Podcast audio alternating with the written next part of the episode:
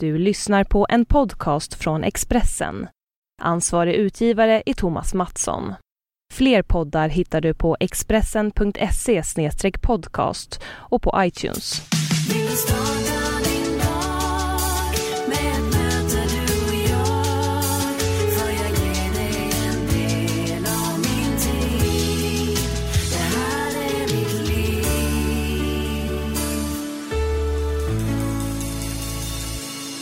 Hej och varmt välkommen ska du vara till avsnitt 132 av podcasten Livshjulet. Jag heter Anna Hegerstrand, jobbar som journalist och är väldigt intresserad av människor. I den här podden träffar jag kända gäster och vi pratar om hur vi får ihop livet med alla delarna i livshjulet. Och vi mår ju bra av att hålla det i balans. Idag träffar jag Martin Timell som kan vara en av våra mest välkända programledare. Från början hade han planer på att jobba med något helt annat och om det och mycket mer ska Martin få berätta alldeles strax. Podden görs i samarbete med Expressen och på expressen.se podcast hittar du det här men även alla mina tidigare avsnitt. Du kan även lyssna via iTunes eller Acast-appen. Och vill du komma i kontakt med mig finns jag under Anna Hegerstrand på Instagram eller om du vill kika in på min blogg på expressen.se Anna Hegerstrand. Nu Martin Timell, varsågod. Välkommen hit Martin. Tack så mycket. Det är måndag morgon ja. och eh, du har haft en härlig helg på landet sa du. Ja. Som avslutades med en bra middag med en av sönerna igår så att det var jättebra. Ute på landet då? Eller nej, nej, utan hemma i stan. Du har landställe på Mjölkö? Mjölkö, stämmer. Mm. Men bor i stan? Ja. Granne med mig nästan, Aha, har vi faktiskt. konstaterat. Ja, ett, två, två kvarter ifrån. Och det är ju på Östermalm då. Ja. Nu bor ju inte jag kvar där men jag ska villigt erkänna att jag saknar det lite. Och jag läste någonstans att du inte skulle kunna överleva utan Djurgården. Nej, det stämmer. Jag har varit ute där i morse redan med hunden. Det, men det, det går inte. Alltså, vi var ute och gick där vid Blockesudden. Alltså det, det, det var så vackert så sved ögonen i morse. Och det, alltså jag gillar ju när det är dimma också. Gillar du hösten? Nej, det kan jag inte säga. nej, nej. Fasen, det är, något, det är något tragiskt det här med att stänga ner för säsongen på landet. Även om vi bor där året runt och tar Vaxholmsbåten ut genom isen. Och det kan man ju tycka är mysigt. Eh, men nej, alltså sommaren är bra. Och våren. Alltså våren när allt det här ligger framför oss. Det gillar jag. Mm. Hur gör du då den här årstiden? För jag är inte heller någon fan av hösten. Eh, känner mer att man överlever istället för lever. Så tragiskt. Men hur gör du för att liksom ta dig igenom och... och... Nej, men vi försöker käka middagar så får man vara snäll mot sig själv också. Eh, eh, köpa saker som man inte behöver. De som säger att man inte kan köpa bort sin ångest, de har inga pengar. Eh, och så får man resa lite eh, se till att, har man ungar så tycker jag man ska ge sig iväg på ett höstlov. Nu, det var lite märkligt igår för att jag eh, såg på nyheterna att det var väldiga översvämningar på Kanarieöarna, på Gran Canaria. Och där bor min syster sedan 45 år tillbaka. Så jag ringde ner, så här, regnar det nu? sa jag lite ironiskt. Så, Nej, så jag är på väg ner på stranden. Så har man chans till solen. Så jag blir väldigt avundsjuk. De har 28 grader i vattnet och 30 i luften. Och så regnar det på norra delen av ön nu. Har ni planerat någon resa då? Ja, vi åker till Hongkong om ett par veckor. Hur kommer det sig att ni valde Hongkong? Därför att eh, SAS har en direktlinje och vi tycker inte om att eh, byta och hamna på flygplatser. Eh, det, det händer alltid saker. Kan man flyga direkt så är det alltid mycket bättre. Och så har jag aldrig varit i Hongkong. Jag har varit i Beijing, Tokyo, Shanghai, Bangkok men aldrig Hongkong. Flyger du business när du reser eller åker ja. ekonomi? Nej, jag flyger business. Vet du varför? För att det är så jävla mycket bättre. Så, det är så mycket bättre. Så att, men eh, de här resorna är faktiskt på poäng. Mm. Och eh, då kan man ju verkligen kosta på sig det. Då kostar det ingenting. Man får betala flygplatsskatter tror jag. Så för tre personer tror jag jag betalar 4-5 tusen kronor. Oj, men då har du rest en del innan? Ja. Men nu, nu kan man ju få poäng på, jag menar du handlar mat och potatis. Bara rätt kort så får du poäng och så flyger det. Och sen så sa ju du till mig nu att du har jobbat väldigt mycket. Så det var, har varit skönt att vara ledig lite. Ja, jag jobbar ju inte ihjäl mig direkt. Jag gör ju faktiskt bara egentligen hemma numera. ja, så gör jag lite radio. Eh, men det är bara vikariat. Men Äntligen Hemma, det, det, det bara pågår ju. Det tar ju aldrig slut. Vilken säsong är det nu? 38. Så vi har 19 år. Och det är fortfarande lika kul? Nej, det kan jag inte säga att det är jämnt. Men i 90 av fallen så är det en fröjd att få jobba med det här programmet. För vi är ett litet team, vi är bara tre, fyra stycken. Och vi har så skojigt. Och så imorgon då jag tittade på schemat, imorgon får jag stå ute på Skeppsholmen och göra det som jag tycker är roligt. Eh, nämligen hålla på med händerna. Så det, jag har det så bra så det liknar ingenting. Vad är det som gör att det här programmet funkar år ut och år in? Att vi inte faller i någon slags fälla att antingen resa utomlands eller vara hemma hos kändisar utan vi är små byskollärare och det håller vi fast vid och det funkar. Så man ska kunna se på programmet, tycka att det är kul och underhållande, sno idéer. Absolut inte nödvändigtvis göra det själv. Men, men uh, lära sig någonting. Jag skulle vilja erkänna då att jag är inte så intresserad av att bygga och fixa och Nej, dona. varför skulle du vara det? Vilket har gjort att jag inte tittar så ofta på Äntligen Hemma. Nej, varför skulle du göra det? Men jag, min, mitt första minne av dig, jag är väldigt musikintresserad, så mitt första minne av dig var Listan. Åh, Ja, åh, i TV1. yes. Gick i samband med Saltkråkan, så jag kollade först på Saltkråkan och sen på Listan. Vet du om att vi fortfarande tror jag har publikrekordet mot Rapport? Är det sant? Ja, över två miljoner tittare. Men det fanns ju inte så mycket konkurrens då direkt. Jag kommer ihåg det var på den här tiden när Kenneth and the Knutters och... Kenneth and the Knutters ja, som körde upp för trappan med motorcykel. Du har ju gjort så otroligt mycket. Ja. Eh, Äntligen Hemma har ju varit en, en röd tråd liksom under De- två tredjedelar av din tv-karriär. Ja, Men det har ju varit allt från, vi pratar här inom finkultur och fulkultur. Du Ja. har ju gjort ganska mycket ful-tv också. ja. Mm. Nej, inte så mycket fult. Det finns väl några saker man inte skulle ha gjort sådär. Alltså vadå? Nej men alltså Sveriges roligaste klipp skulle jag väl aldrig ha gjort. Och TV4 skulle aldrig ha sänt det. Det var en, en sju jävla miss tycker jag. Eh, och det gick för fort. Ibland gör det, ibland blir det så. Och eh, ja, det går inte att ha ett program som heter Sveriges roligaste klipp och så är 85% av klippen amerikanska. Det går Nej. inte va. Nej. Så att men, men eh, nej. Uh. Men det är 30 år i, i tv-branschen. Eller är det mer ja, nu? Ja, 31. Mm. Jag började 84.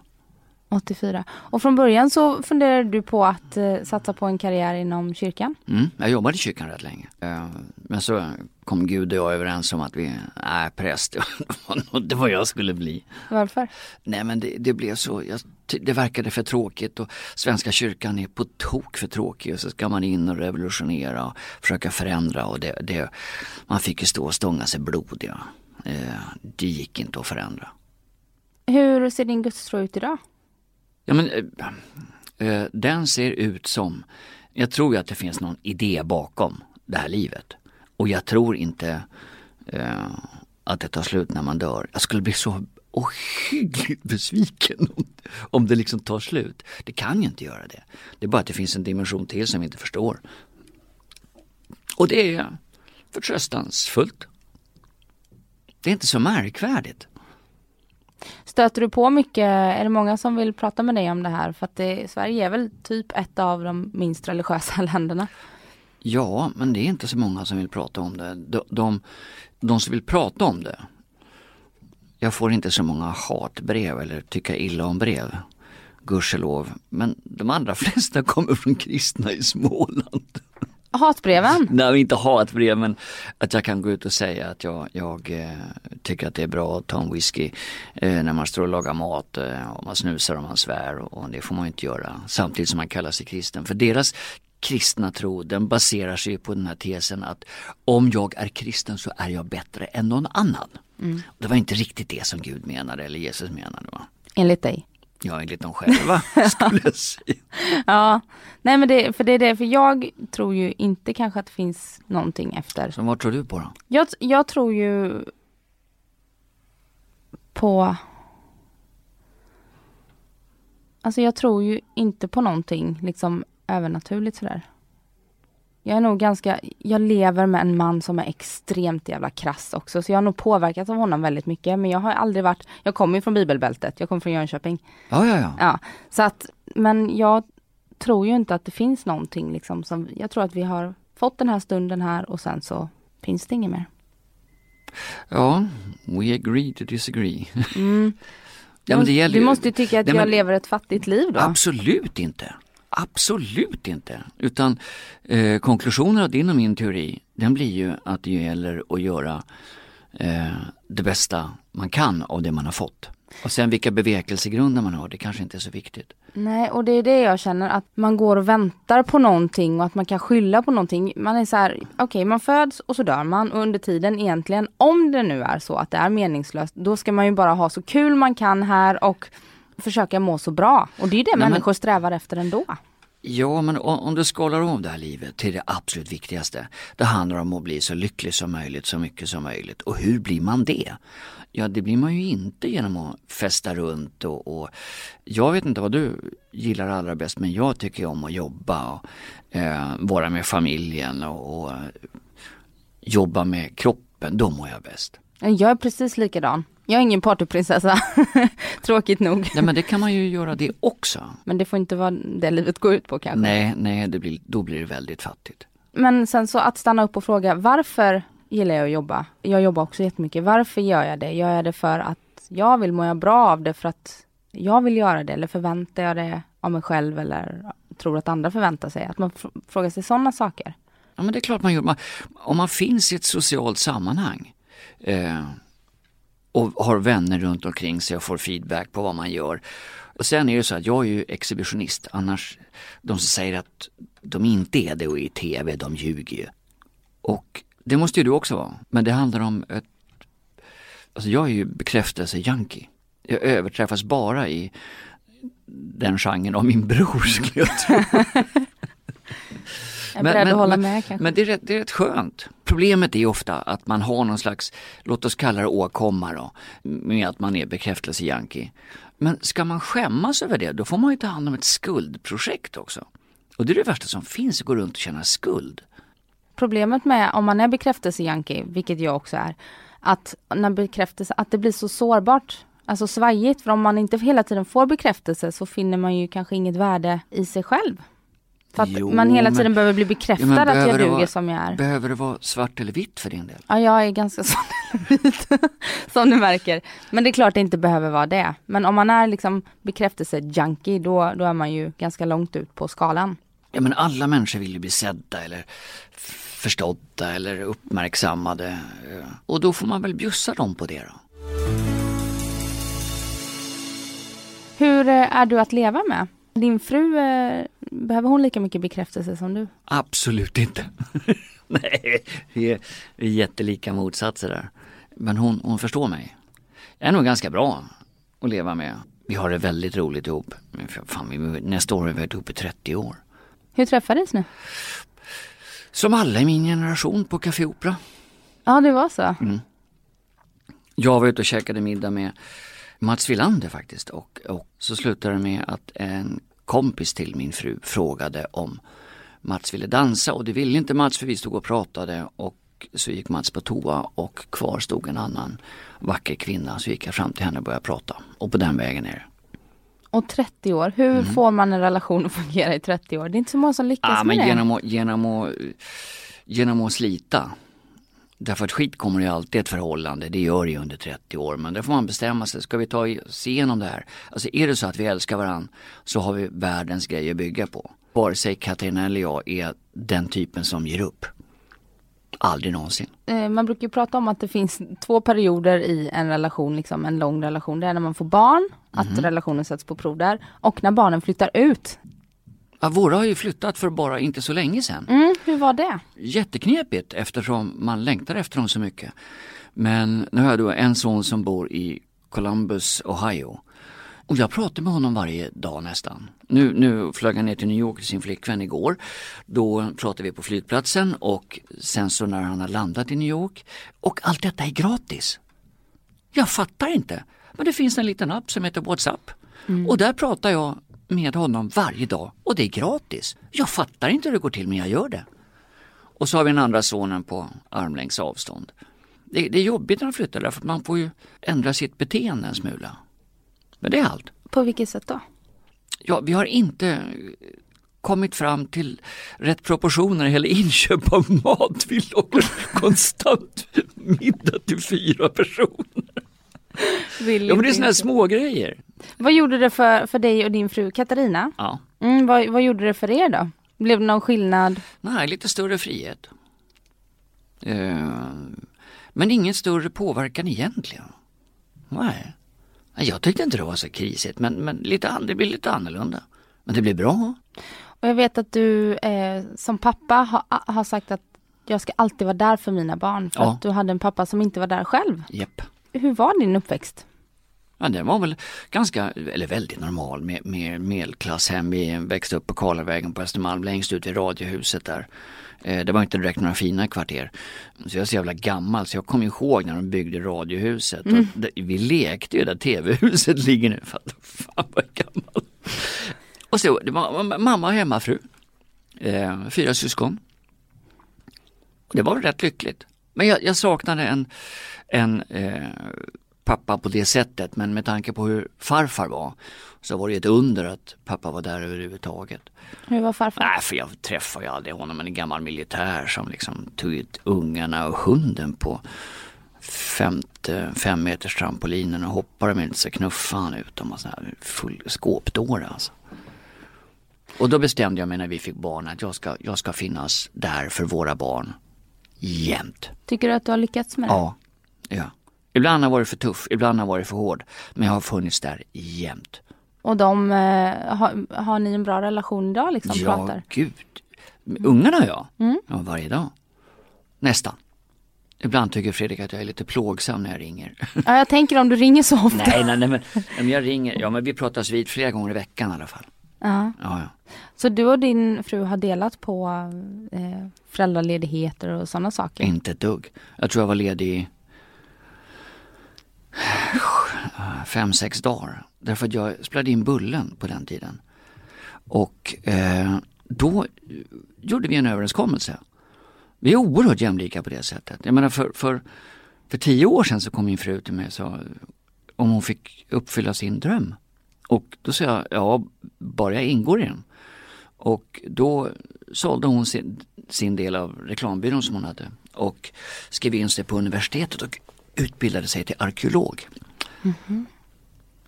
Och på den vägen är det. Så hon sitter och skriver en roman nu om tre kvinnor på bronsåldern. Gud vad härligt. Ja, ja men det, då har vi gjort den uppgörelsen. Jo, ja men jag, med min lön så, fan vi håller ju svälten från dörren. Och så lever vi på det. Och så har vi det bra och så gör vi exakt vad vi vill båda två. Och jag vet att du i perioder har eh, jobbat väldigt mycket. Ja. Jag läste någon intervju med dig när du hade fyra produktioner igång Ja, samtidigt. ja. Och att du nästan jobbade dig in i väggen, skulle man kunna säga det? Nej, inte in i väggen. Jag har aldrig förstått det där med att gå in i väggen, det är fan bara att gå runt den. Det är ju, det är ju faktiskt så. Men om man inte ser väggen är det svårt att gå runt den. Ja, men då måste man omge sig med bra människor som man litar på. Som säger, hörru du, det här är inte så bra just nu. Innan du går in i väggen, ta mig nu i handen så går vi runt den istället. Och då får man lägga ner eh, en del projekt eh, som man inte har tid med. Därför att det är ju ingen människa som blir lycklig på det sättet. Det är ofta kombinerat med någon annan. För jag vet när Anders, min bror, gick in i väggen. Då eh, hade han kunnat undvika det, men han lyssnade ju inte på oss. Är du bra på att lyssna på din kroppssignaler då? Ja, ja. För du har haft panikångest också? Ja, Jag letar Jag tillbaka i arkiven här nu. ja jo men det kan, nog, det kan nog stämma. Jag kan få det lite grann. Eh, men jag bemästrar ju det. Första gången man får det, då tror man ju att man ska dö. Och det trodde jag att jag skulle göra. Eller åtminstone att jag hade fått en hjärnblödning. Och, och när det inte var så, när man fick ordning på det här och jag hittade hur jag skulle klara av det. Då är det ju mycket lättare, då kan det komma. När jag skulle vara programledare på Mix Megapol här, i det här dilemmat. då kom det lite för jag var så nervös. Och jag gillar att vara nervös. Men då säger jag det här mantrat som är lite, det är lite fånigt men det funkar för mig i alla fall. Jag säger Kom då din jävel, för jag är starkare än vad du är. Kom då din jävel. Jag tar dig. Har du kommit fram till det här själv eller har du fått hjälp med det? Nej, ja, ja, både och. Att det, och framförallt att man får veta av läkare att nej, det är inget fel på din kropp.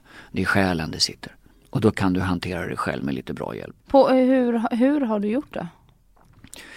Genom att vara gift med Katarina höll jag på att säga.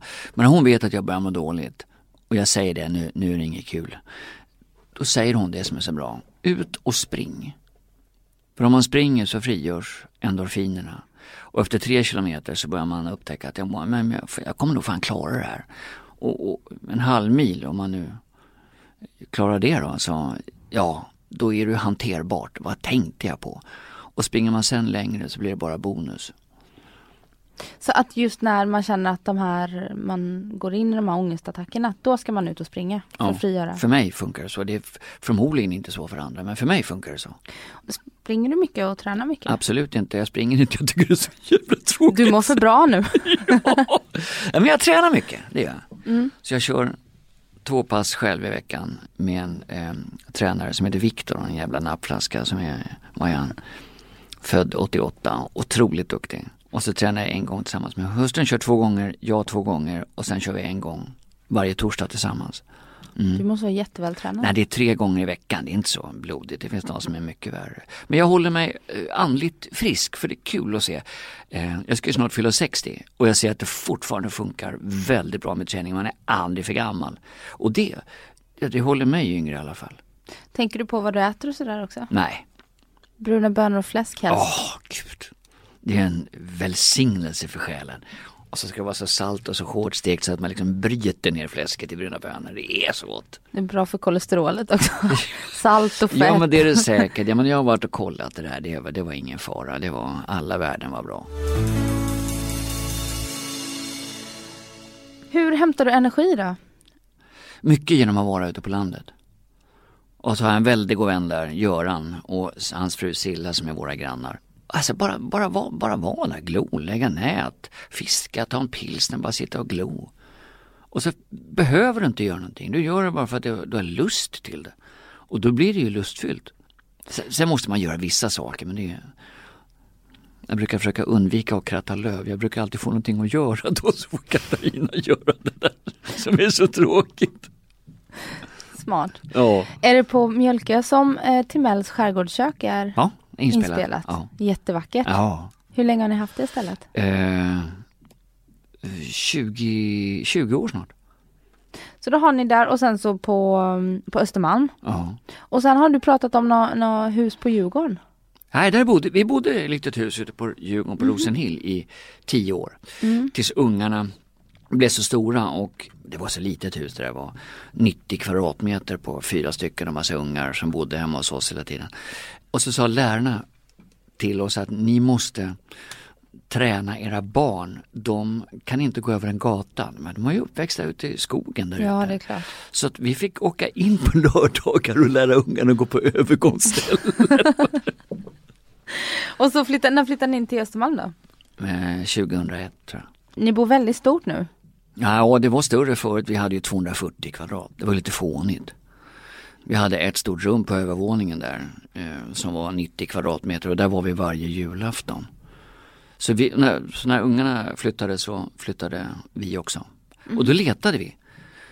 Och lite lustigt, jag, alltså jag sitter och skriver en blogg om det här just nu idag mm. och avbröt mig för att eh, komma hit och prata med dig. Men då letade vi i tre år innan vi hittade en hyresrätt. Ja, ni har hyresrätt? Japp, och tre månader efter att vi flyttat in där så blev det bostadsrätt. Grattis, måste ja, jag säga då. Ja, men, jo, men det kan man ju säga. Men till vad då? Pensionen är väl säkrad kanske? Ja, men var ska vi bo då? Om du säger grattis så är det för att vi ska få ett visst antal miljoner för det här. Mm. Men då måste vi flytta och det vill vi inte. Men ni trivs så bra. Nej, så grattis till vad? Alla säger bara ett klipp. Men för oss, ja, jo, nej. Vi bor ju kvar. Jag har, inte, jag har inte sett en spänn för det där. Och jag hatar när man spekulerar i boende. Det går inte. Det går inte att sitta och beräkna, nu ska vi flytta dit för då kan vi få så och så mycket pengar. Vad ska man göra med dem? Om man tänker på att alla inte har lika mycket pengar så är det ju en viss trygghet då. Säg att någon får en hyresrätt eller och, som blir bostadsrätt, då är det ju en viss trygghet. Ja, Jo, det kan det väl vara. Som till exempel, jag har köpt min lägenhet och nu så har ju bostadsmarknaden ökat. Nu kanske jag kan uppgradera mitt boende. Säg, Ja, men det som du vill ha, det har ju ökat lika mycket. Det är det som är problemet. men jag kanske vill bo någon annanstans i något annat land. Det- Lyfta ut, alltså öka upp lån och investera Ja, i men en d- ja, det. semesterbostad. Sådana saker. Ja, ja, ja. Nej, men då ska, man, man måste ju ner och bråka med banken. Ja. Det är, det är jätteroligt. Är du en bra förhandlare? Ja, jag är en väldigt bra förhandlare. Jag har fått ner mina lån så att det dånar om det. Men du, du är väl en bra kund också för dem? Ja, det vet jag inte, men det går ju att bråka. Det, Alltså, det, det ligger ju fyra olika banker eh, inom ett stenkast. Och det är bara att säga att ja, men då går jag till de andra. Och så spela ut dem mot varandra därför att de här bankerna, du ska ju inte fira jul med dem. Och de, de, de tjänar så fruktansvärt med pengar. Och det är du som betalar deras lön. Och det är bara att säga till dem. Är du lika eh, villig att ta en konflikt i alla delar av livet eller? Ja, Ja, det är så. ja, Du bråkar mycket. nej, men ta konflikter är inte att bråka. Men det är att stå på sig. Och det gör jag. Vad har det gjort för dig då? Ja. jag är fortfarande gift. Eh, jag har en massa bra kamrater som litar på mig. Och jag eh, är nog ganska bra på att förhandla om inte om pengar för min egen lön, för det ska man inte göra. Det har en kille som gör, som är fantastisk på det. Men, men eh, det är skönt att vara rakryggad, stå för saker. Och vi pratade här tidigare om att du tog parti för din lillebror Anders. Ja, Eller ja. att du stod upp för honom här. ja. Är, är du äldst av syskonen? Nej, jag är näst yngst. Du är näst Vi har yngst. två äldre systrar. Ja okej, och så Anders. Ja. Umgås ni mycket? Tyvärr inte eftersom men, eller vår ena syster bor ju på Kanarierna sedan 45 Ja, år tillbaka. Och den andra systern bor i Paris sedan 35 år tillbaka. Men vi talar mycket i telefon. Och du och Anders då som är kvar i Stockholm? Ja, vi pratas vid, ja, ja varje dag. Nästan, ja jo det gör vi nog. Är ni lika? Ja, rätt mycket. Rätt mycket lika. Han känns eh, mer eh, urflippad än vad du är. Ja, ja men det är han. Han har varit, varit tvungen att ta Tourettes syndrom till liksom 2.0 och eh, göra det här. Han gör ju allting mera liksom. Ja, man vet aldrig vad som ska komma ut. Nej, nej, nej, nej, nej. och det är väldigt spännande. Ja. Vi har väldigt roliga släktmiddagar. Och sen så, jag pratade med honom igår nu för han är i Argentina och rider. är- han vet ju fan inte vad som är fram och bak. Nej men han gör ändå. Ja men jag pratade med honom igår, han, han skulle, tyckte det skulle bli jättespännande. ja han gör det, det, det, det är födelsedagspresenter från hans tjej Lottie. Ja, han fyller 50 här ja. Och du fyller 60 men det är ju ett. Nej, par det- år kvar. Ja det är ett par år kvar, Du är 58. 58. Gillar du din ålder? Ja, alltså vi pratade om det här igår. Om man upplever sig själv som man gör nu. När man, när man var 30 bast och tittade på en 58-åring. Det var ju så gammalt så det finns ju inte. Däremot är man ju, man märker att kroppen tar lite mer stryk, man orkar inte lika mycket. Men i huvudet så är man ju fortfarande 25-30 år. Det är så. Hur gammal är du? 33? 33, jävla nappflaska. Men det är rätt skönt. Så att ja, jo, jag gillar min ålder. Jag trodde att det skulle vara mycket mer hemskt än vad det är.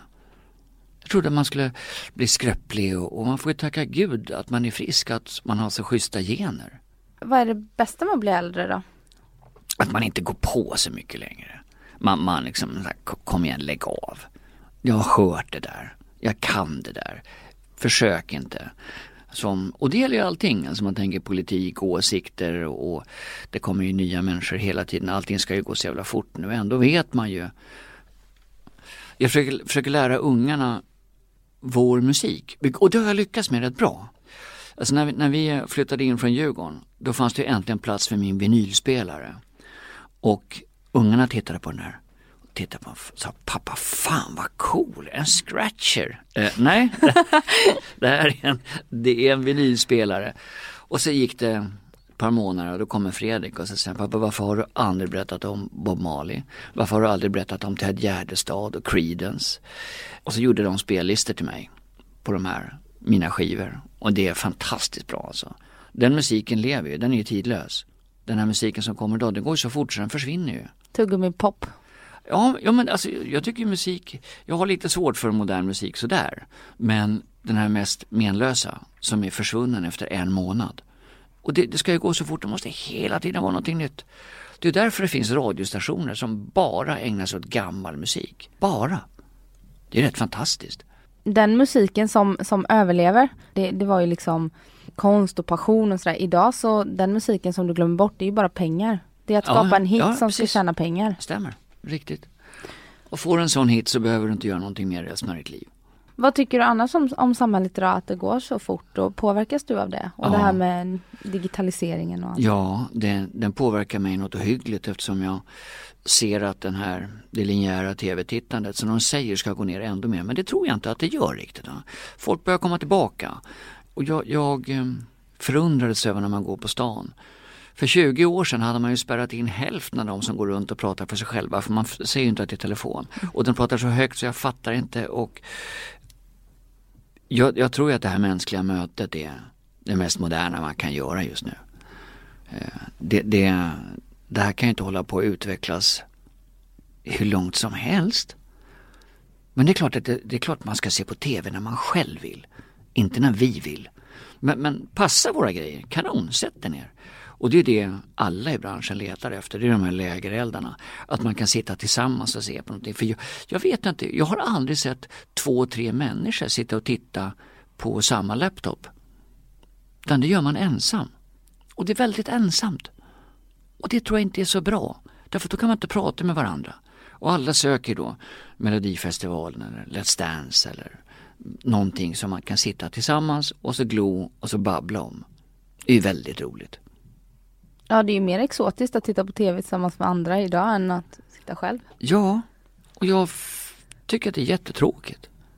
Jag eh, höll en presentation om vilka hälsotrender vi ser framöver och då var digital detox en av dem. Att man, Vad fan är det? digital detox, där, det finns företag som ordnar Avgiftning? Ja, kamper. Man kan ju bli, jag är ju Instagram och mobilberoende och sådär.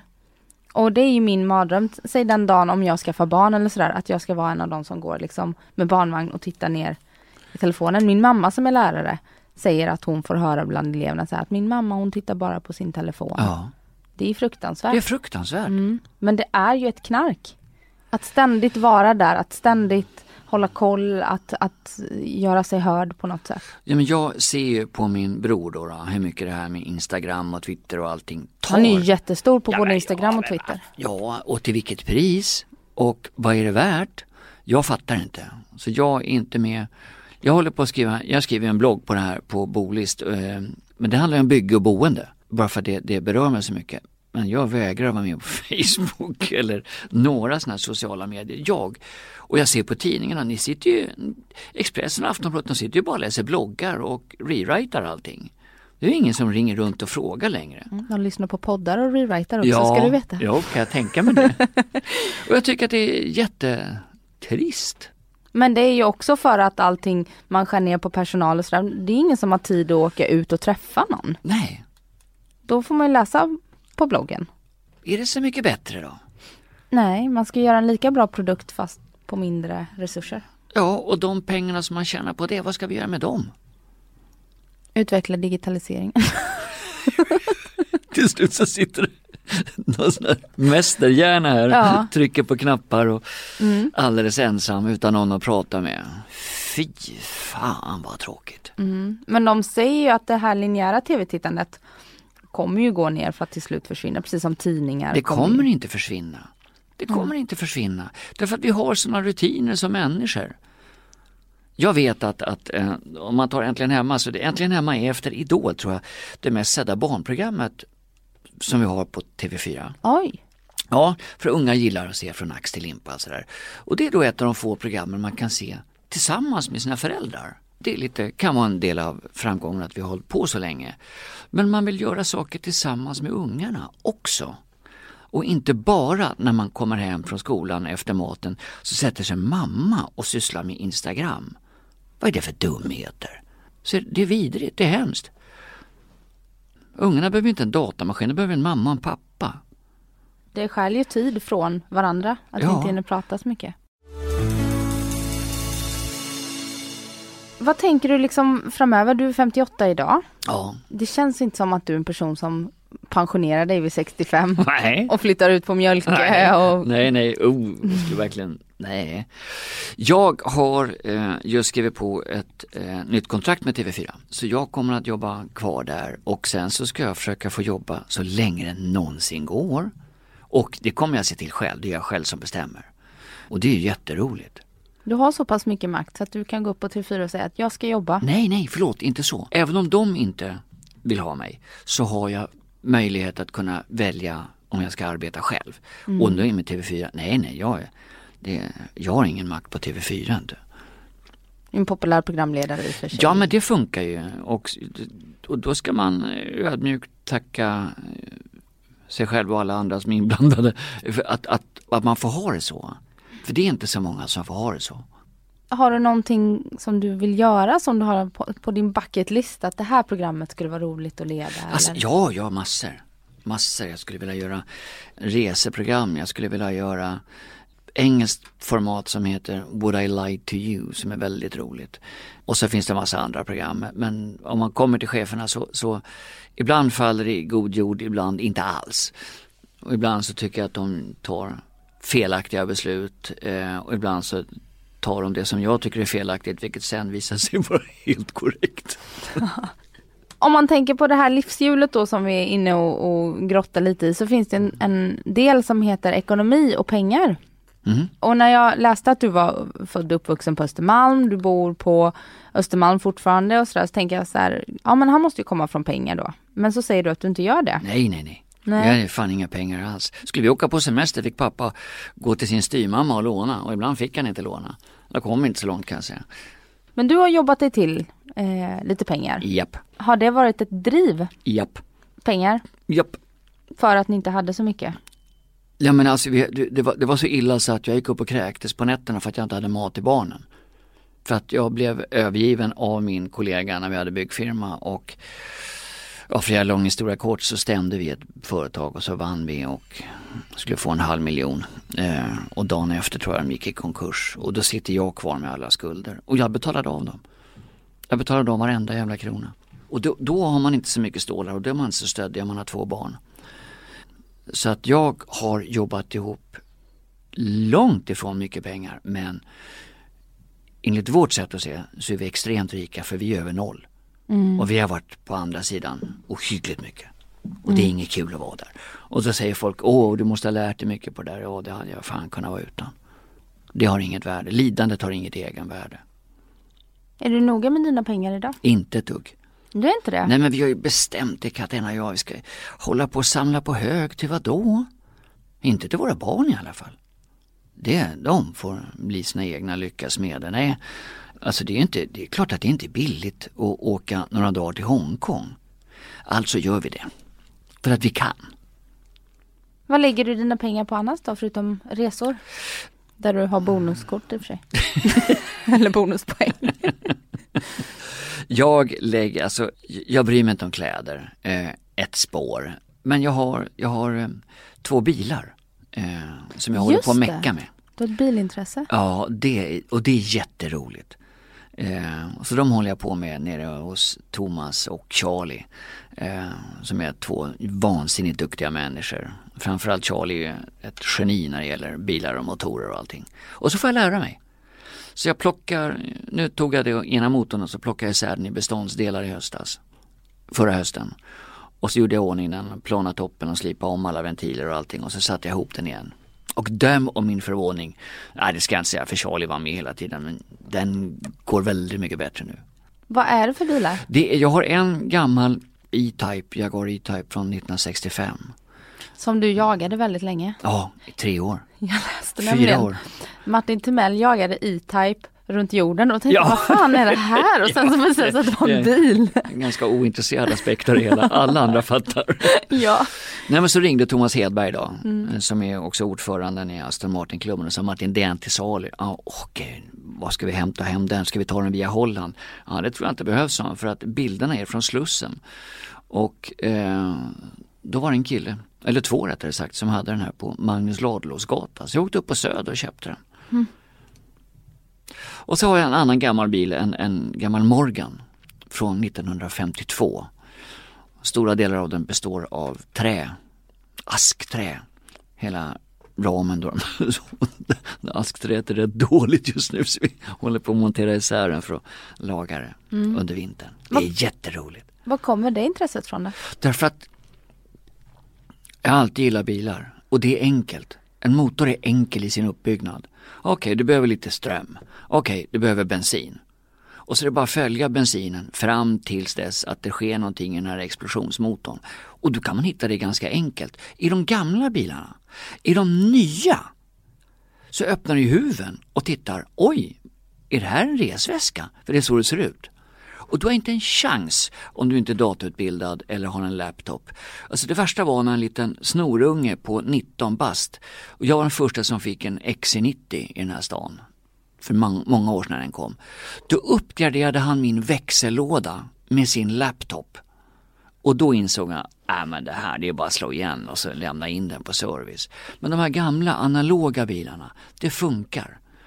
Och så har vi åkt ut och rest med dem, vilket är väldigt kul. Vi fraktade ner bilarna till Frankrike förra året. Och sen så körde vi med dem genom Provence. Och sen så stod det en lastbil där och hämtade hem dem. Och så flög vi hem. Och nu ska vi göra om samma resa fast den här gången i Toscana nästa år. Åh, oh, vad idylliskt. Ja, och så kör du bara på småvägar. Och då finns det företag som gör det där åt dig. Så att du får kommunikationsradio och alltihopa. Och en given rutt. Och så landar du på små trevliga eh, bra hotell. Och så äter du gott och så kör du på dagarna. Och då är vi sju, åtta stycken gamla bilar. Vad härligt. Du och din fru då och så åker ni med andra? Ja, vi är, jag tror vi blir sju stycken nu. Sju eller åtta stycken. Gud vad härligt det låter. Ja, det är jättehärligt. Vad tror du, om du får tänka på ditt liv, vad tror du har förändrat dig mest som människa? Det är Katarina. Och TV. att du började jobba på TV? Ja, alltså, det förändrar mig men jag var ju ganska då, likadan innan. Jag brukar få, och det, det är de komplimangerna man blir mest glad över. Vi var på sån här kletig klassåterträff som jag verkligen inte såg fram emot. Som sen visade sig bli jätterolig och väldigt bra organiserad. Och då fick man en del kommentarer om att ja men du, du har faktiskt inte förändrats sen vi gick i plugget. Och det är väl en komplimang om någonting. Under förutsättning att de tyckte att man var okej okay då. var man liksom ett rövhål där så är det lite tråkigt att man fortfarande är det. Men, men eh, jag vet inte vad som har förändrats mest.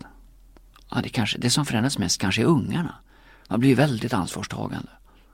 Hur gammal var du när du blev pappa? Oh, jag var gammal. Jag var, hade precis fyllt 30. Gud, jag är 33, jag har inga barn. Då kommer jag vara en gammal mamma. Nej, men jag tror att snittåldern och sån här för förstagångsmödrar på Östermalm är 36, 37. Mm, det är det. Ja. Jag får flytta tillbaka till Östermalm med andra ord. Ja, ja, ja. De kan tillverkas på Söder men de ska... ja, exakt. De ska bo på Östermalm. Och det skiljer väl bara ett år mellan dina söner? Ja. 28 och 27. Var det ett medvetet så här, att de Absolut ska ha varandra? Inte. Absolut inte. Utan vi hade faktiskt, det är två missfall emellan där också. Så ett tag så skakade man inte kalsongerna hemma i onödan. Men, men så, eh, och det blev väldigt bra. För de har alltid varandra. De är tajta idag? Ja, ja, ja gud ja. Mm. Ja, visst. Du Martin? Ja? Nu så ska jag ta en taxi ut till Arlanda. Åh gud vad härligt. Ja, och flyga iväg på min resa. Vad ska du göra? Jag ska idag äta lunch med en av dina kollegor. Sen ska jag träna. Och sen ska jag laga mat. Det är en ledig dag idag med andra ord? Ja, idag är en ledig dag. Eh, och gud, åh jag är avundsjuk på dig som får åka ut. Ja, alltså jag ska ju då till Mauritius kan jag ju berätta för lyssnarna. Men ja. jag ska jobba å andra sidan. på Mauritius? Mm. Men vad då? Resereportage. Åh gud. Jag har gjort några sådana här när och fjärran. Det är ja, jag vet det. Ja. Var var du då? Eh, åh, jag har varit allt ifrån eh, ja, det, det, det är läskigt. Jag invigde tillsammans med sju eller nio munkar det här hotellet i Kaulak där alla svenskar dog. Så de var där och välsignade det där hotellet, det gick så där. Och sen tycker jag väldigt illa om hästar. Då, eh, det finns nämligen bara ett djur som är dummare än hästar och det är ostron. Och då skickade de mig till eh, Western Riding School i Arizona. Det är skoj. Och så tycker jag inte om husvagnar så de skickade mig på husvagnssemester. Det är jätteroligt. Det är jättekul. Men alltså Mauritius, ska du åka till, åker till Mauritius och Réunion. Hur menar du? Ja det är grannön. Nej, jag åkte till Mauritius. Mauritius bara. Ja, Ja, ja. två olika hotell. Åh gud vad härligt. Mm, Eh, Ska du bo ensam också? Nej. Jag ska bo med min fotograf. Oh! Mm. Oh! Så vi åker. Vi var på Maldiverna också för ett litet tag sedan och det vet jag att du älskar. Maldiverna är det bästa semesterort. Alltså åk inte till Söderhavet. Det är bara tre gånger så långt och mycket sämre. Maldiverna är fantastiskt. Var var du? Eh, jag var på Konstans Hallevelli. Okej, Heter ön. Mm. Hallevelli. det gjorde inte så ont. Nej, det var, gjorde inte alls ont. Ja, förlåt, nu börjar jag intervjua dig. Å, åk iväg nu. Nu tar du över. Martin, tack snälla för Ja, att du kom själv. hit. Väldigt trevligt. Ja, verkligen. Trevligt. Och ha en härlig dag nu. Ja, tack detsamma. Flyg försiktigt. Jag håller tummarna. Tack snälla.